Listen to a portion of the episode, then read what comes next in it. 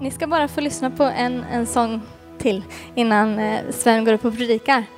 Eh, vi har varit eh, i USA nu i somras, Dan och jag. Eh, och eh, de första två veckorna så gick vi en eh, lovsångsledarutbildning i en kyrka där. Och det var fantastiskt på otroligt många sätt. Eh, och en sak som de uppmuntrade mycket till där, det var att skriva egna sånger. Att skriva egna sånger på ert språk eh, som ni, där ni kommer ifrån och sådär. Eh, och det tog vi till oss. Eh, och nu när vi har kommit hem så, så har vi känt hur Gud har eh, eh, börjat göra någonting i oss och att vi har fått mod och, och våga skriva, börja skriva. Det är lite knep och knåp och eh, ett hantverk så man kanske blir bättre och bättre, hoppas jag. Men eh, nu inför den här söndagen så eh, hörde vi att temat var, vad var temat nu igen? Låt barnen komma till mig. Just det, precis. Och det tänkte jag nu på i veckan här. Låt barnen komma till mig. Det vill jag skriva en sång om.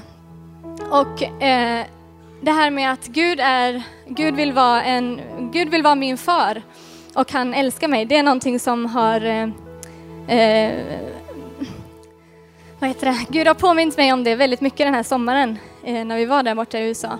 Eh, min pappa dog för två år sedan och eh, det har ju varit tungt såklart men, men Gud vill vara den perfekta pappan.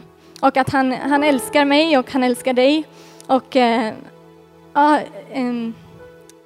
jag skrev en sång om det i alla fall. Och Gud jag hoppas att, Gud ska, att den ska få tala till er. Precis som Gud har talat till mig den här sommaren, att han älskar mig.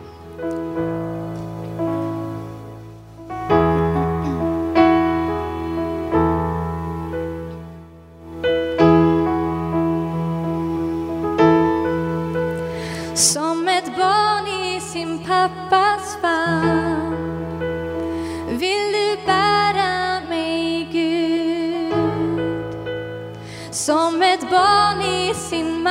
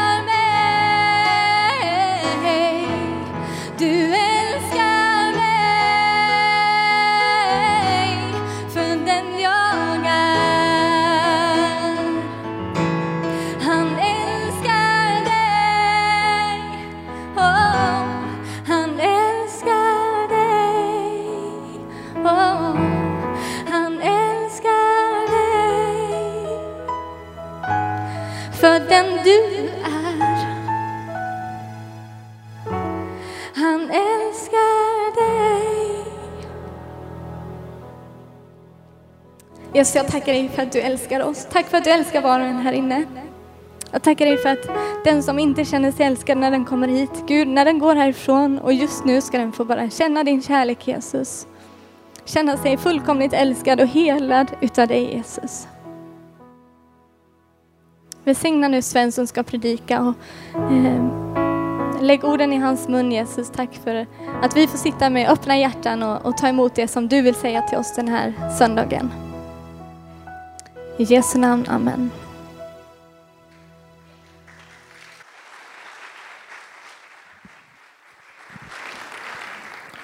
Wow, fantastiskt. Skriver man så bra låtar då ska man ju bara fortsätta obehindrat. Fantastiskt, eller hur? Tack så jättemycket.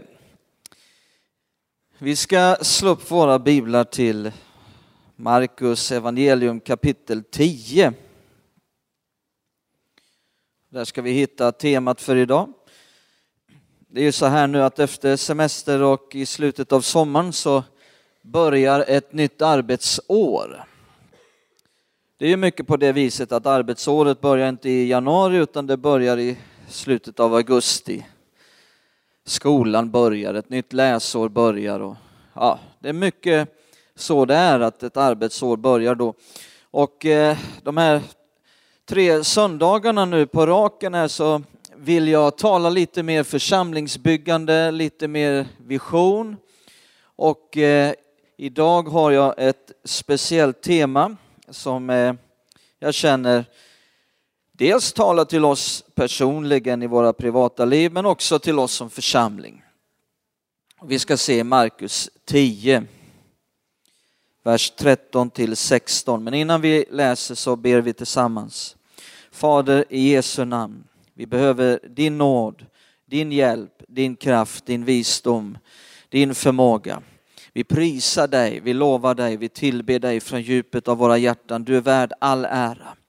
Vi ber att du ska tala, att du ska upplysa våra hjärtans ögon, att du ska visa oss din plan, eh, din ritning, din vilja, ditt hjärta, att vi får koppla med dina tankar, att vi får koppla med ditt hjärta. Åh Fader, att vi får komma in i din vilja fullkomligt, fullständigt. Hjälp oss Fader att höra som vi bör den här förmiddagen, att lyssna på lärjungars sätt. Vi sätter oss ner vid dina fötter. Vi överlåter också resten av den här gudstjänsten till dig helige Ande. Och vi ber att du ska tala. Att eh, eh, du ska tala långt utöver vad jag säger från den här talarstolen till var och en särskilt vad de behöver höra just idag. I Jesu namn ber vi. Amen. Då står det så här då i Markus 10, vers 13 till 16. Man bar fram små barn till Jesus för att han skulle röra vid dem. Men lärjungarna visade bort dem. När Jesus såg det blev han upprörd. Nu är Jesus upprörd så det är bäst vi lyssnar. Eh, och sa till dem, låt barnen komma till mig och hindra dem inte. Lägg märke till de orden, hindra dem inte. Till Guds rike tillhör sådana. Amen säger jag er, den som inte tar emot Guds rike som ett barn kommer aldrig dit in. Han tog upp dem i famnen och la händerna på dem och välsignade dem. Eh, så här ser vi hur Jesus, det här som Jesus talar här, det talar han in i en grekisk och romersk värld som eh, ofta kunde vara väldigt barnfientlig. Eh, I den här världen så var det vanligt med barnmisshandel, det var vanligt med barnprostitution, det var vanligt med barnslaveri. Och barn som var krymplingar, ja de såg man bara som eh, väldigt effektiva och bra tiggare. Ehm, så det var en väldigt barnfientlig miljö som eh, Jesus talade de här orden in i. Och min fråga är, hur är det med vårt samhälle? Hur är det idag? Hur är det i vår församling? Är det så att eh, det kan ju vara så att även människor i vår tid eh, känner att kan få för sig att barnen, det är inte mycket att räkna med kan få för sig att barnen de kan inte ha en egen tro, vandra i tro, ha ett eget böneliv. Eh, kan få för sig att barn inte kan komma in i djup tillbedjan. Eh, men Jesus han trodde inte på det här sättet.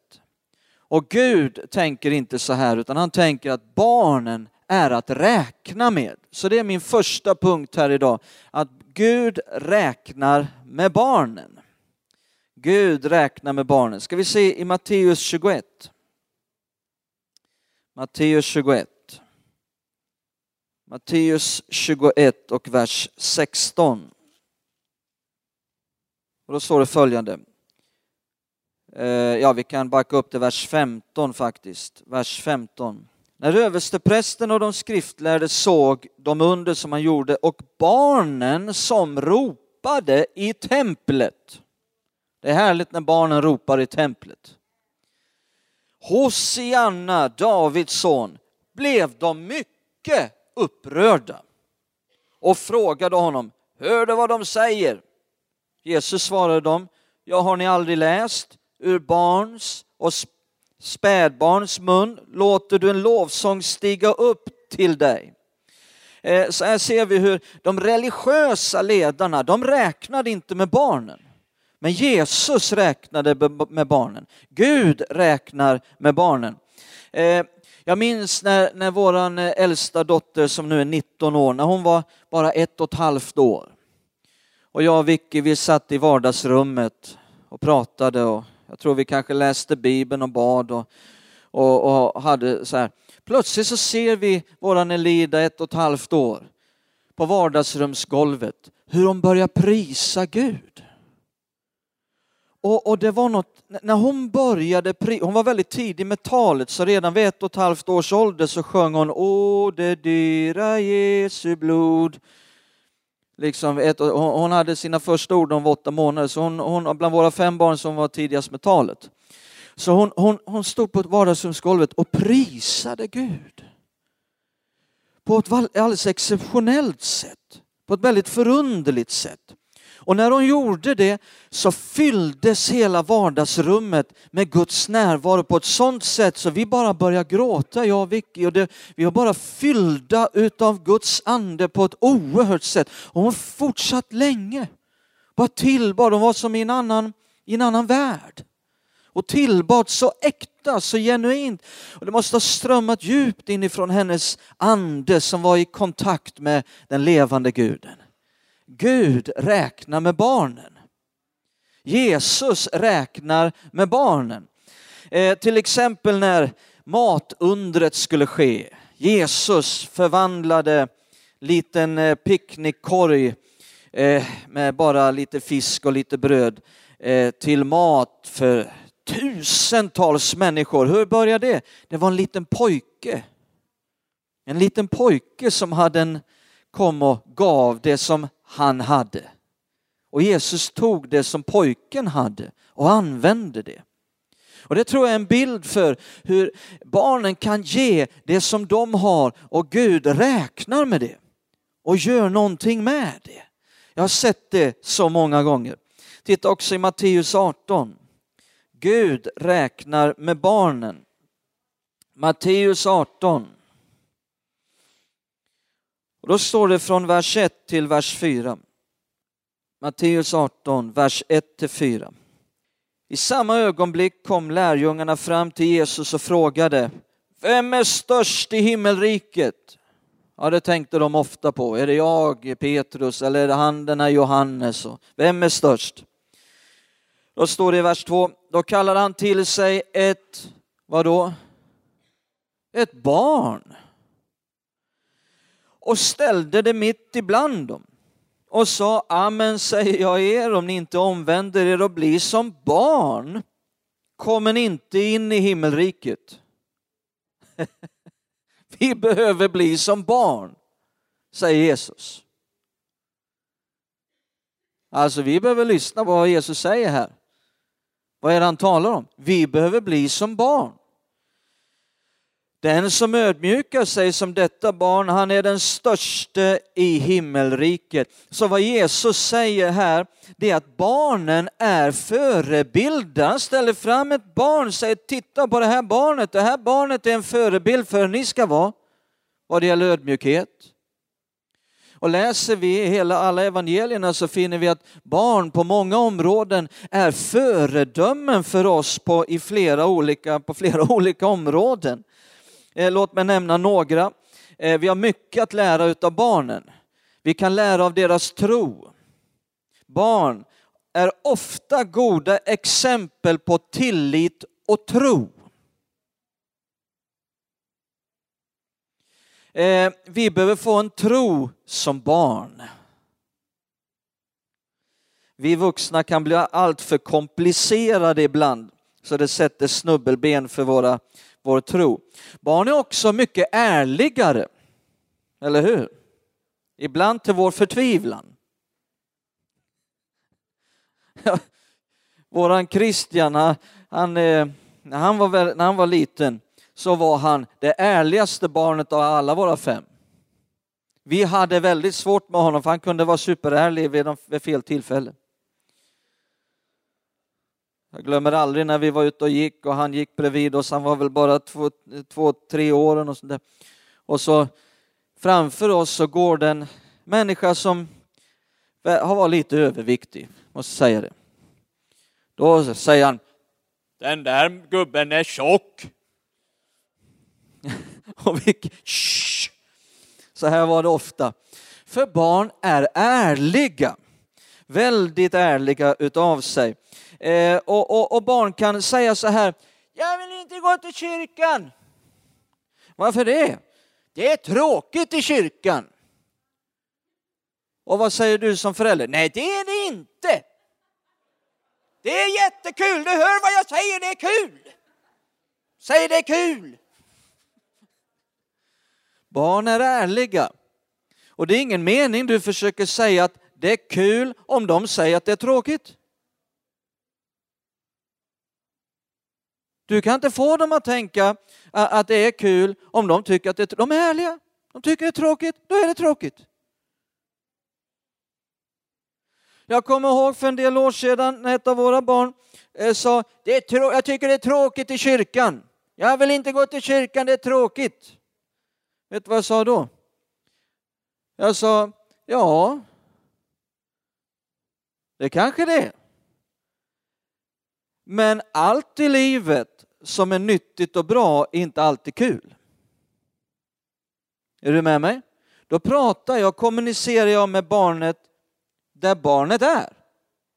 Om nu barnet tycker det är tråkigt, ja men då kan ju inte jag säga motsatsen. Men då måste jag ju utgå från det och tala om att varje dag kan inte vara Gröna Lund. Och mycket i livet är väldigt bra och nyttigt, men som är tråkigt. Men det är väldigt bra och nyttigt. Då ger jag en motivation till att ändå göra det som de just nu tycker är tråkigt. Är du med mig? Det är mycket bättre. Och sen upptäcker barnet när vi väl var i kyrkan och vi sen åkte därifrån eller något annat som hände. Ja, men det var ju ganska kul i alla fall. Men de fick upptäcka det själv. Och sen är det vår uppgift att se till att det blir roligare i kyrkan. Är du med? Så vi behöver ta emot den här feedbacken, för barn är ärliga. De säger det ofta som det är. De är okonstlade och okomplicerade. Mycket mer så än vuxna. Jag kommer ihåg, och, och barn kan också vara, vara väldigt eh, direkta. Barn kan vara direkta. Inte, okonst, eh, inte konstlade, inte komplicerade, utan väldigt direkta. Eh, jag kommer ihåg när när Dennis, det var något problem med han magen på honom. Vad var det för något problem han hade? Det var något, något konstigt med magen. Var det inte magen? Du vet inte. Nej, det är så mycket som har hänt i våra liv. Men vi, vi, det var i alla fall, det var, jag tror att det var magen. Dennis hade något speciellt magproblem. Och, så, och sen ska Alice be för Dennis. Alice var, vad kan hon ha varit, minns du det Vicky? Två, två och ett halvt, tre, tre kanske. Så ber hon Jesus, bota Dennis mage. Ja, men gör det då! Det fanns inget tålamod där. Det kanske barn ska lära sig. Men, men just det här direkta, det här okonstlade, det här okomplicerade. Ja men gör det då! Jag tror på något vis Herren gillar det. Det finns en härlig tro i det. Och sen tror jag de bad i barnkyrkan för, för Dennis och så blev han botad. Eh, var det magen? Du kommer inte ihåg exakt, vi får tänka på det sen. Men jag kommer ihåg Alice bön i alla fall, det där. Eh, barn är också, de är ju, även, även om barn är helt omedvetna om omsorgerna som kan vara i vuxenvärlden, Eh, så ser barn ofta igenom allt skrymteri. Barn är inte så lättlurade som vuxna ibland tror. Om du säger en sak men gör och lever någonting helt annat så ser de det. Det är så med barn. De är inte lättlurade, ser igenom skrymteri. Och därför, på grund av allt det som jag har sagt nu, eh, så kan det vara väldigt givande att få jobba med barn. Jag har själv gjort det förr i tiden varit väldigt engagerad i, i barnkyrkan. När jag gick på bibelskola då såg jag till att spendera mycket tid i det, den barnverksamhet som fanns där med fyraåringar. Och jag menar, kan du tala Guds ord till en fyraåring, då kan du tala det till vem som helst. Så det är väldigt givande att jobba med barn. Eh, Innan vi nu talar om församlingens och kyrkans ansvar vad det gäller barnen så måste vi börja med att titta på föräldrarnas ansvar. Det blir min nästa punkt. Titta här i Ordspråksboken 22. Föräldrarnas ansvar.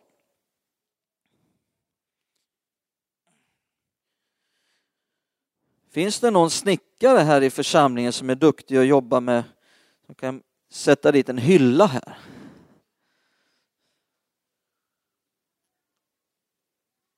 en ekhylla ska det vara, den är gjord i ek. Man kan ställa vattenglaset här, kanske någon, någonting annat, en vattenkanna. Ordspråksboken 22. Och står det i vers 6, nu talar vi om föräldrarnas ansvar.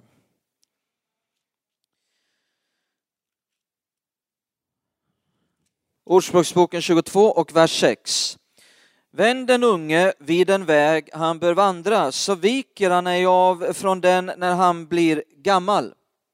Vetenskapen säger till och med att eh, när ett barn är tre år gammal så är 75 procent av en människas beteendemönster tillrättalagt och kan inte ändras. Sug på den karamellen. Låt mig upprepa det. När ett barn är tre år gammalt är 75 procent utav en människas beteendemönster tillrättalagt och kan inte ändras. Det säger mig att de första åren i barnets liv är oerhört viktigt. De är som svampar, de suger in intryck och information ifrån första dagen de föds. Och jag tror att man till och med kan betjäna barn under tre år med Guds ord. På det, det finns alltid nivåer, det finns alltid sätt. För de suger in mer information än vi är medvetna om. Så därför har man ett väldigt ansvar direkt. En del börjar uppfostra barnen när de är tonåringar, det är för sent. Du måste börja långt innan tre års ålder med att uppfostra. Eh, titta i första Mosebok 18. Första Mosebok 18.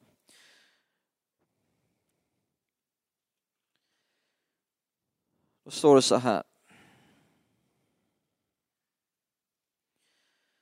Första Mosebok 18, vers 17 till 19.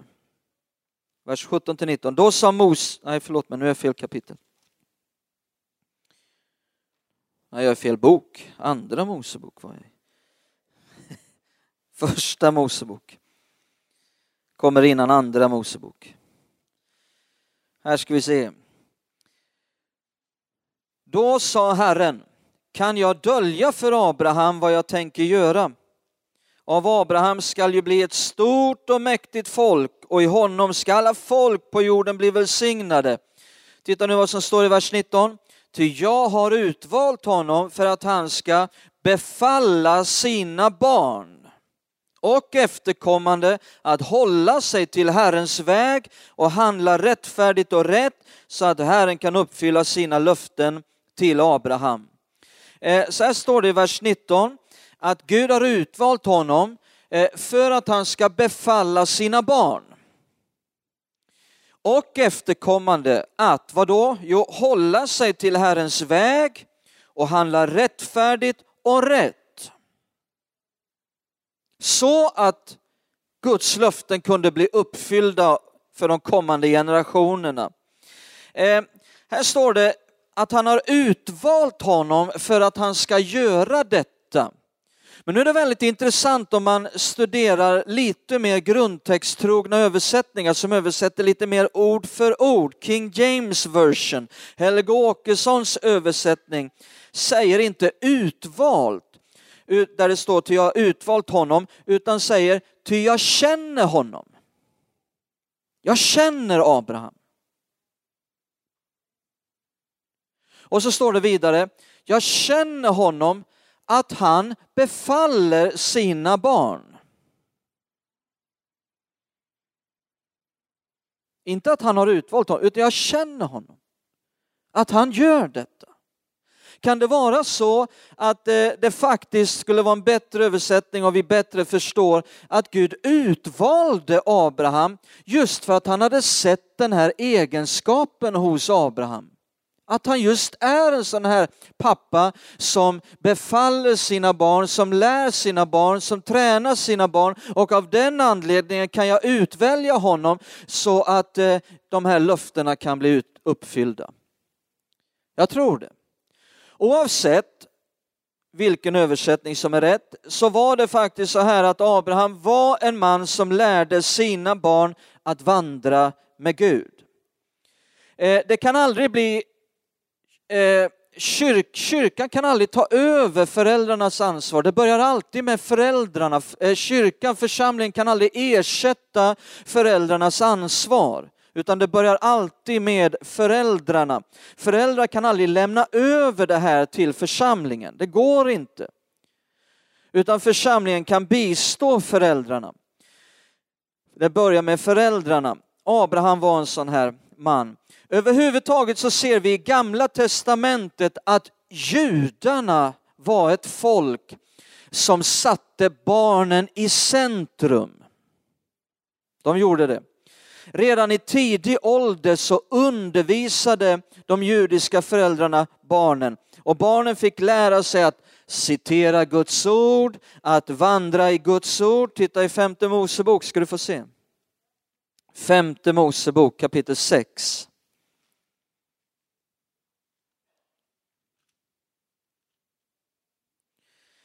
Femte Mosebok kapitel 6 från vers 6. Dessa ord som jag idag ger dig befallning om ska du lägga på hjärtat. Du ska inskärpa dem hos dina barn och tala om dem när du sitter i ditt hus och när du går på vägen, när du lägger dig, när du stiger upp. Du ska inskärpa dem hos dina barn.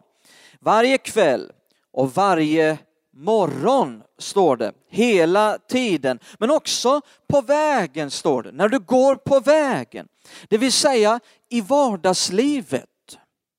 I vardagslivet så skulle barnen i föräldrarna se helgelse, se ett rikt böneliv, se att man var kärleksfulla mot sin nästa, eh, se en givande och generös eh, inställning och attityd, eh, tjänande attityd. Eh, barnen behövde se det här när föräldrarna gick på vägen så att säga i vardagslivet. Därför att det är så här att barnen kommer i första hand inte att göra det du säger. Vad är det de kommer att göra? Det du gör.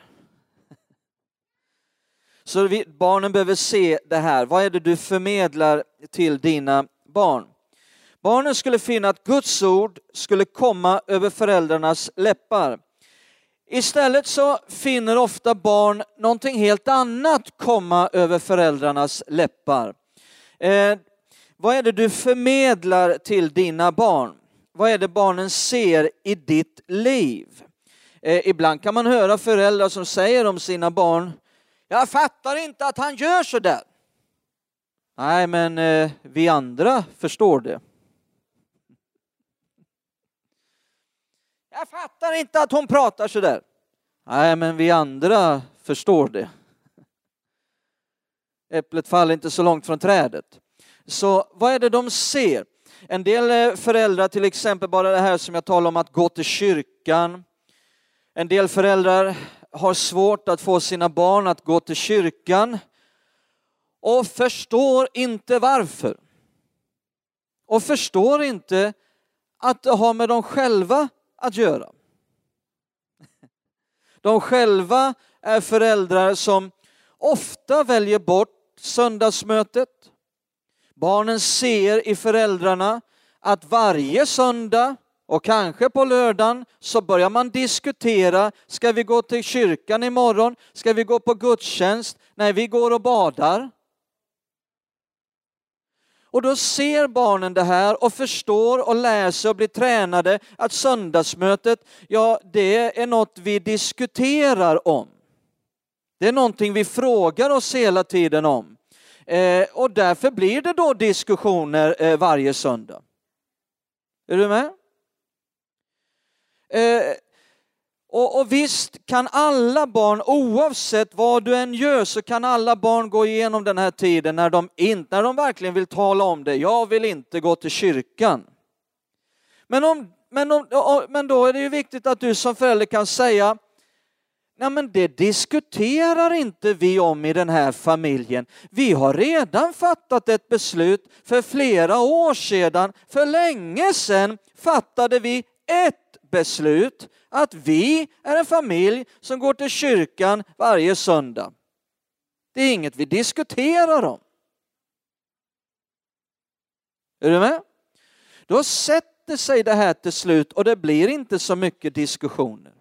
Men vad gör du som förälder? Är det du som sätter ett exempel på att det här är någonting vi diskuterar om varje söndag? Med, med din fru eller med din man.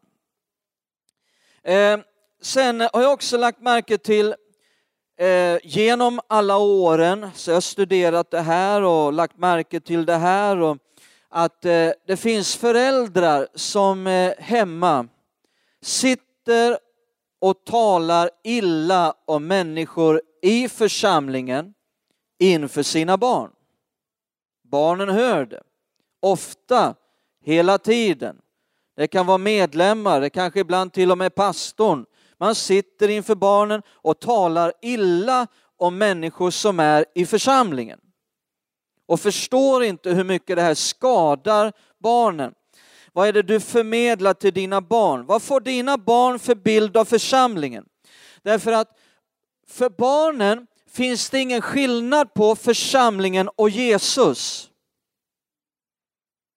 Är du med mig?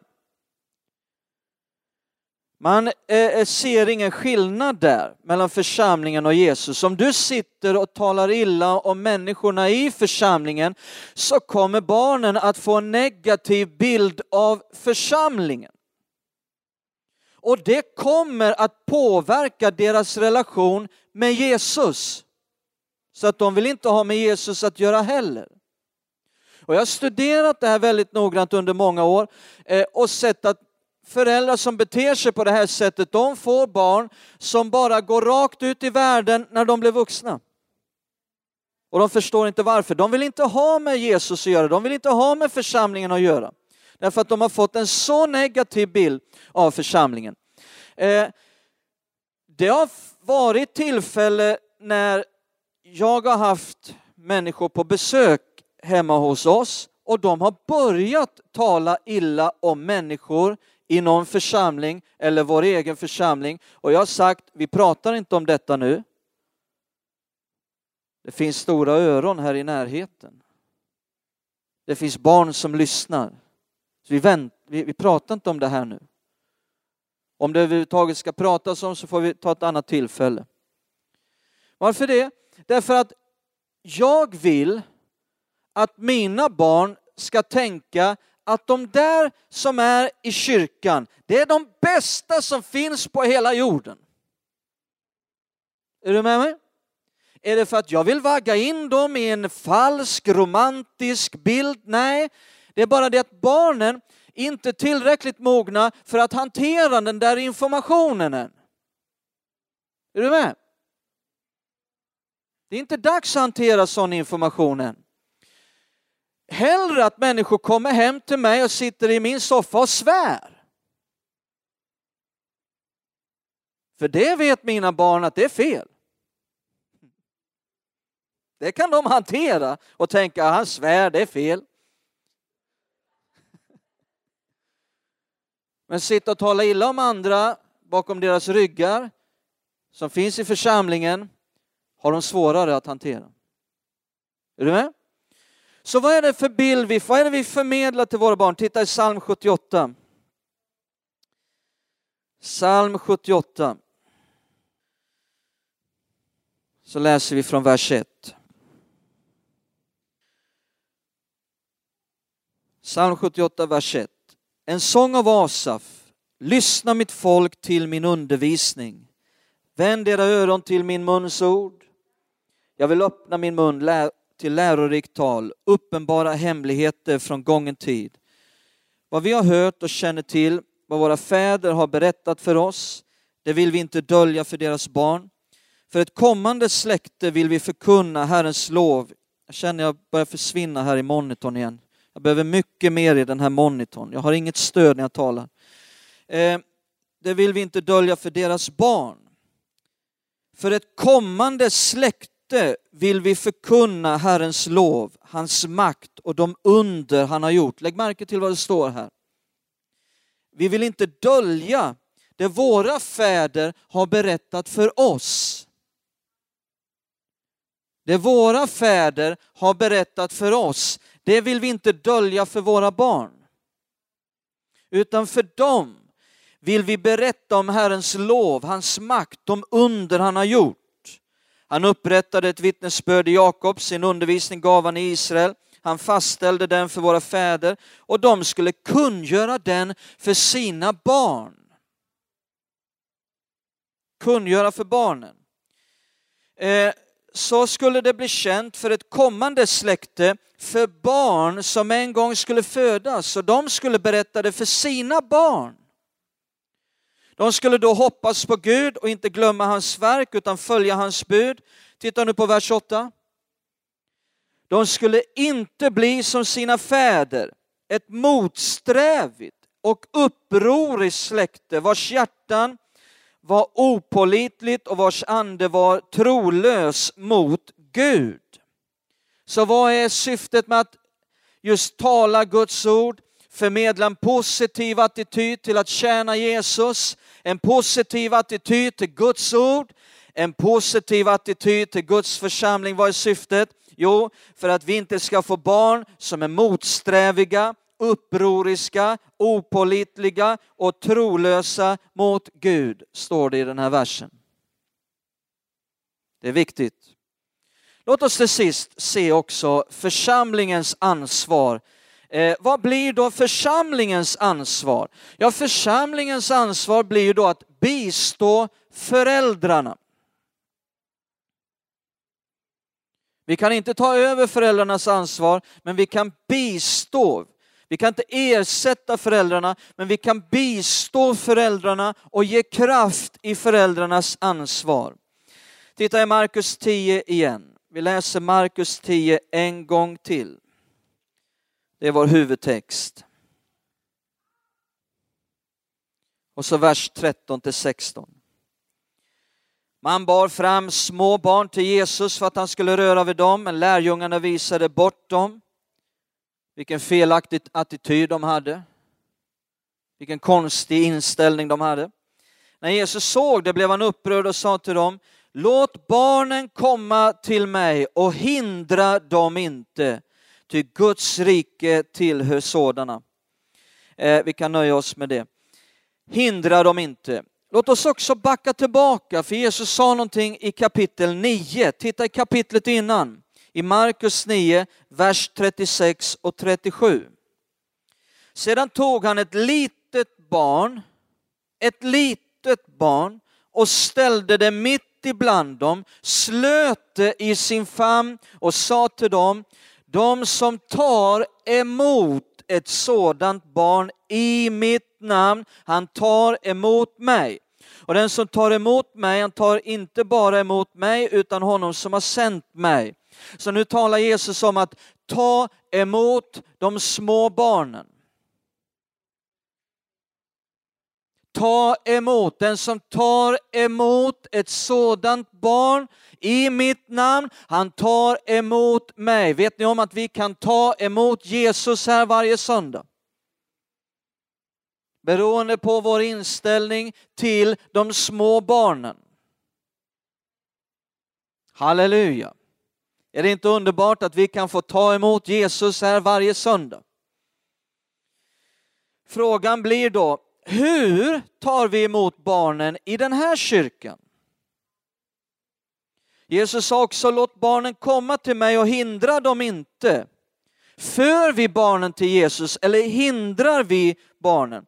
Finns det saker hos oss som blir till hinder i den här kyrkan?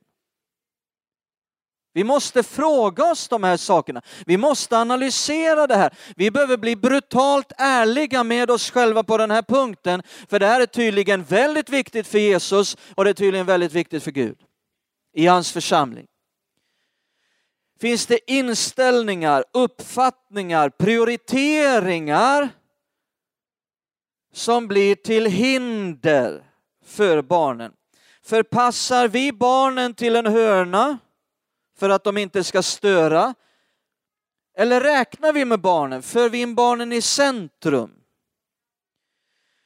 Och Det finns lite sådana här eh, inställningar som inte blir rätt. Till exempel när man säger barnen är morgondagens församling, slår man fast. Och det är helt fel. Från början till slut. Barnen är dagens församling. De är inte morgondagens församling, de är dagens församling.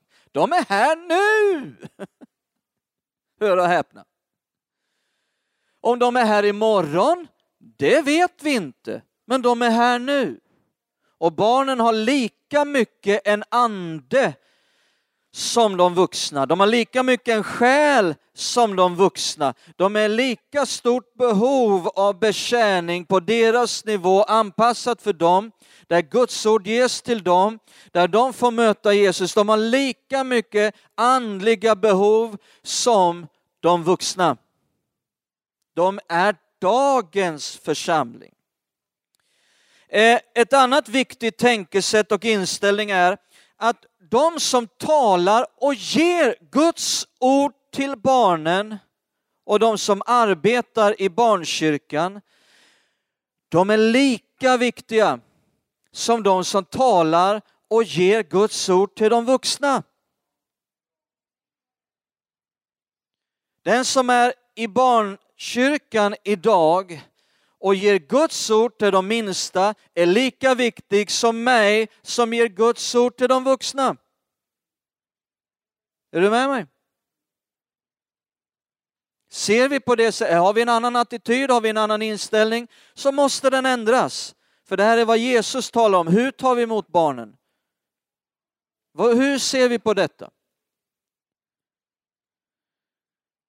Ehm, låt mig introducera begreppet barnkyrka. Vi går till kyrkan, eller hur? Vi vuxna, så ser vi det. Eh, det handlar om någonting som är mer än söndagsskola. Det är inte bara en skola man kommer till. Om jag själv vore barn så skulle jag tycka det var tråkigt att höra att jag ska komma till en skola till. När jag nu har ledigt. Det handlar mer än bara lektioner. Det handlar om barnkyrka. Det handlar om en, en kyrka som fylls utav Guds härlighet. Det handlar om en, en kyrka, eh, en plats där barnen möter Gud. Eh, där man tillber och lovsjunger honom på sitt sätt, där barnen ber för varandra. Oh, vad det kan bli starkt när barnen ber för varandra. När Guds härlighet fyller en barnkyrka. Eh, det kan ibland, jag kan ha varit, eh, jag vet ibland tillfällen när jag tyckte det var inte så bra på mötet idag, så kommer Vicky och säger, oh vad starkt det var i barnkyrkan. Det skedde under. Barn mötte Gud. Barn blev helade.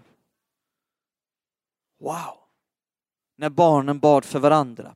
Där det blir kärleksmöten med Jesus som sätter outplånliga spår i barnens liv för all framtid. En barnkyrka fylld av Guds ord. En barnkyrka fylld av Guds härlighet och ande. Barnkyrkan är lika viktig som vuxenkyrkan. Det är inte barnpassning vi håller med om. Och därför så drömmer jag om i mitt hjärta när jag tänker på att vi har ett akut behov i vår församling och det är barnlokaler. Vi har inte det. Vicky och alla barn, de som jobbar i barnarbetet, de gör sitt yttersta för att plocka fram saker och sen får de plocka bort saker. De försöker i ordningställa och anpassa lokaler som egentligen är anpassat för något helt annat. Varje söndag så får de plocka fram och plocka bort. Så skulle det vara om vi hyrde. Vi är glada att vi har den här kyrkan, vi vuxna. Vi behöver inte plocka fram och plocka bort här varje söndag. Skulle vi hyra någon annan lokal här i Skövde, då skulle vi få hålla på med just det, plocka fram, plocka bort. Vad jobbigt det är. Vi är i behov utav barnlokaler. Vi kanske vuxna sitter här och tänker, åh vilken stor kyrka vi har, men det finns stora behov.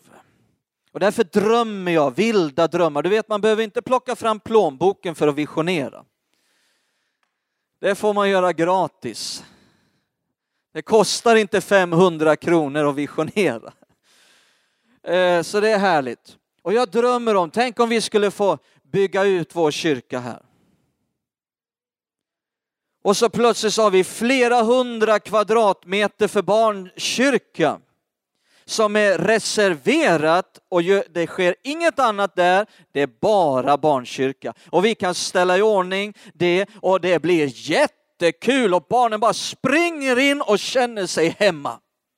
Och de har så kul där och de tycker det är så bra där så de drar de vuxna till kyrkan varenda söndag.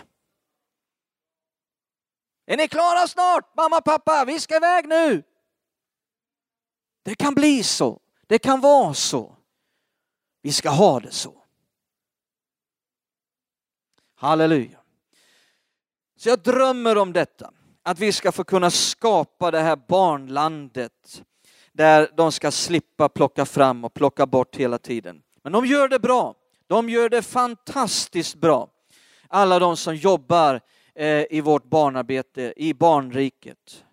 Ehm, så vi är inne i en tid nu där om du känner i ditt hjärta, oh, det här talade till mig. Kanske när jag predikade här idag så bara talade någonting här inne. Jag skulle vilja vara med. Jag skulle vilja ge mitt liv. Jag skulle vilja ge min tid på något sätt eh, för att vara med och ge Guds ord till barnen.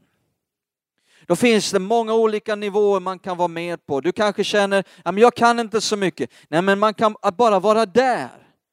Hjälpa till lite grann är ett jättestor välsignelse för dem som kanske talar Guds ord till barnen på söndagarna. Men jag tänkte Vicky skulle få komma upp här och berätta lite grann om behov, vad som finns, vad behöver vi? Eh, Vicky, varsågod. Tack så mycket. Tack så jättemycket. Eh, väldigt bra budskap. Du kanske är här för första gången och så tycker du att ah, det här, idag fick jag ingenting. Men visst har du fått någonting, för nu, nu vet du vad vi vill göra här med barnen. Så du kan gå ut härifrån och säga till dina grannar, dina vänner, Kom till den här församlingen, för där har de, kommer de att ge bra principer, bra värderingar till barnen. Där kommer de att sätta barnen först. Vi vill vara en församling som är familjeinriktad, där vi känner att familjerna som kommer här kan känna sig hemma. Kan, det finns någonting för alla åldrar. Eh, och det barnen kan känna som, som pastor Sven sa, att det är kul, mamma och pappa, låt oss gå till kyrkan. Så hoppas att inte ni känner er fördömda, för det ska ni inte vara, utan känn er att Wow, Gud säger låt barnen komma till mig. Det sa Jesus. Låt oss göra det tillsammans. Så att vi har, um, jag är så glad att vi kom till en församling där det redan fanns en kärna med barnarbetare som um, jobbar väldigt hårt. Det är de som jag får ehm, eh, um, timma med och jag är så tacksam för dem. Några av dem är där nere och redan leker med barnen och har kul. Det finns ingen ålder för det här. Vilka, vilka kan vara med? Allihopa! Från det att du är 12 år så vill jag att du kommer till mig och säger Vicky, jag vill hjälpa mig. Okej, då ska jag hjälpa dig att eh, använda dina gåvor, dina gåvor i barnkyrkan. 12, det kan vara 50 år, 80 år, 90 år. Om du tycker att du gillar att prata, då behöver vi dig som kan komma och prata med oss. Kan du snickra? Du kanske är en sån som inte gillar att vara med barnen. Okej, då vill jag inte ha dig där i barnkyrkan. Du får inte vara med där. Men visst får du vara med på ett annat sätt. Du kan snickra åt oss. Vi behöver rekvisita, eh, massor med grejer. Du kan snickra. Gillar du att sjunga så får du också vara med. Sen så får du komma tillbaka till mötet. Så får du inte missa mötet. Jag ska babbla här massa grejer som du kan vara med och hjälpa till med dina gåvor. Eh, gillar du att eh, göra fint, eh, inreda?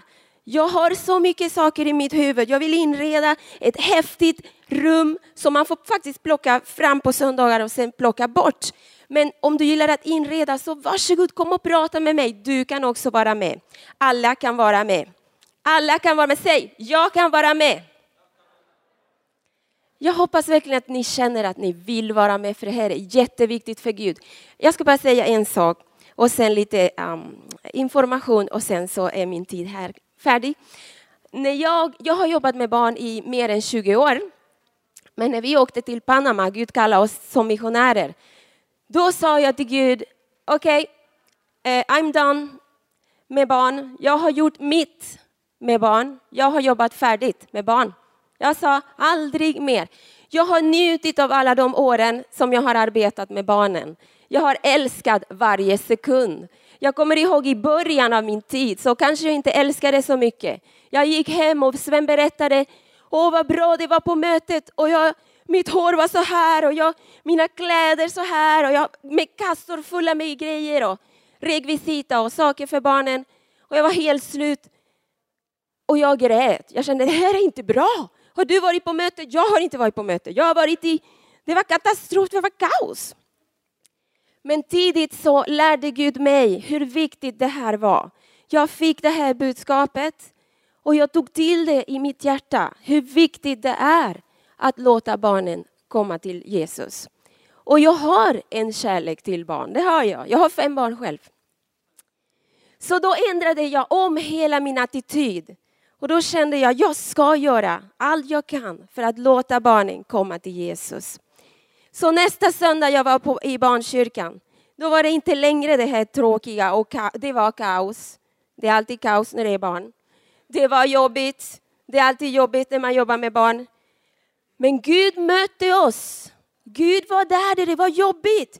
Gud var där där det var kaos. Gud var där för att barnen har ett hjärta för Gud. Och vi ville ge det till dem. Vi ville ge dem Guds ord. Så jag älskade mina dagar i barnkyrkan. Och jag har verkligen sagt till Sven, vi har haft ett jättebra möte. Det blev bra. Gud var där. Fantastiskt. Men åren går och man känner ibland att man vill gå och göra någonting annat. Så efter 20 år så, så tänkte jag, jag har gjort mitt med barn. Nu ska jag faktiskt göra någonting annat. Jag brinner för kvinnoarbete också, så jag ska jobba för kvinnor. Och vi åkte till Panama och jag sa aldrig mer. Och så kom vi till Panama och där hamnade jag i en, eh, vad heter, ett barnhem. Och jobbade med, med barnen där. Och så satt vi där en gång och jag kramade ett barn och det här barnet kramade mig jättehårt. Och han ville inte släppa mig. Och jag kände att den där kom tillbaka. Det här att jag vill, jag vill fortsätta jobba med barn. Och det kom tillbaka. Och jag tror, jag tror det är Guds hjärta. Att barnen finns med. Usch, det blir så, det blir så jobbigt när man grinar. Att barnen finns med och Gud vet att de är här och vi måste se dem. Det är inte barnpassning det vi gör. Det är för att vi älskar barnen och för att Jesus älskar barnen. Så jag kom tillbaka med en annan en bild av att om Gud vill ha mig med barn, då kommer jag att vara där. Jag ska vara där Gud vill ha mig. Men jag har inte den där attityd längre att jag har jobbat 20 år med barn, det är slut, nu ska jag göra någonting annat. Utan jag tror att har jag en kärlek för barn, har jag utbildat mig för att arbeta med barn, ja men då är det för att Gud vill använda min gåva där. Okej, okay, så med det sagt finns det många olika områden där du kan hjälpa till. Och som sagt, från 12 år ut till 90, 100 år, om du kan sitta, vi kan ta en stol för dig så du kan sitta där med oss. Okej? Okay? Vi, har ju faktiskt, vi delar faktiskt barnen i mindre grupper där vi kan sitta med dem och samtala om vad Gud gör, hur går det i skolan och alla de här sakerna. Hur är det hemma? Mår du bra? Det kan vem som helst göra. Det kan vem som helst göra. Så var med. Okej, vi har barnkyrkan på söndagar. Välkomna till mig om ni känner att ni vill vara där. Vi har tre olika grupper. Eh, fyra kanske, vi har en, en grupp då som barnen får vara med med sina föräldrar och kanske titta på, på eh, mötet där, men det är de själva med sina föräldrar. Så har vi tre grupper som får undervisning. Det är tre till fem år, sex till nio år och tio till tolv år. Så är det någon åldersgrupp där som ni gillar, varsågod komma till mig. Och sen så har vi internationell café också en gång i månaden på lördagar. Fantastiskt möte hade vi med barnen igår, jätteroligt. Det kan ni också vara med och hjälpa till. Parkstugan, vi skulle så gärna vilja göra saker där också, ute i, i södra Ryd med barnen. Så det är något vi måste bygga upp. Varsågod, komma till mig också. Och så har vi 10-12 som gillar tonåringar. Eller, ja, det är bara att komma till mig också, vi behöver många ledare där. Kan du organisera, inreda, måla, snickra? Kom till mig. Vi har en plats för dig i barnkyrkan. Så tänk inte att du behöver göra allt. Undervisa, sjunga, vara clown, allt. Det behöver det inte vara. Utan bara lite, det du kan, kom till mig och så ska jag hjälpa dig att tjäna Gud i barnkyrkan. Så, tack för att ni kom idag. Det är inte jag som ska avsluta, men fantastiskt att ni har fått höra det här budskapet. Glöm inte att komma till mig, okej? Okay? Tack. Tack.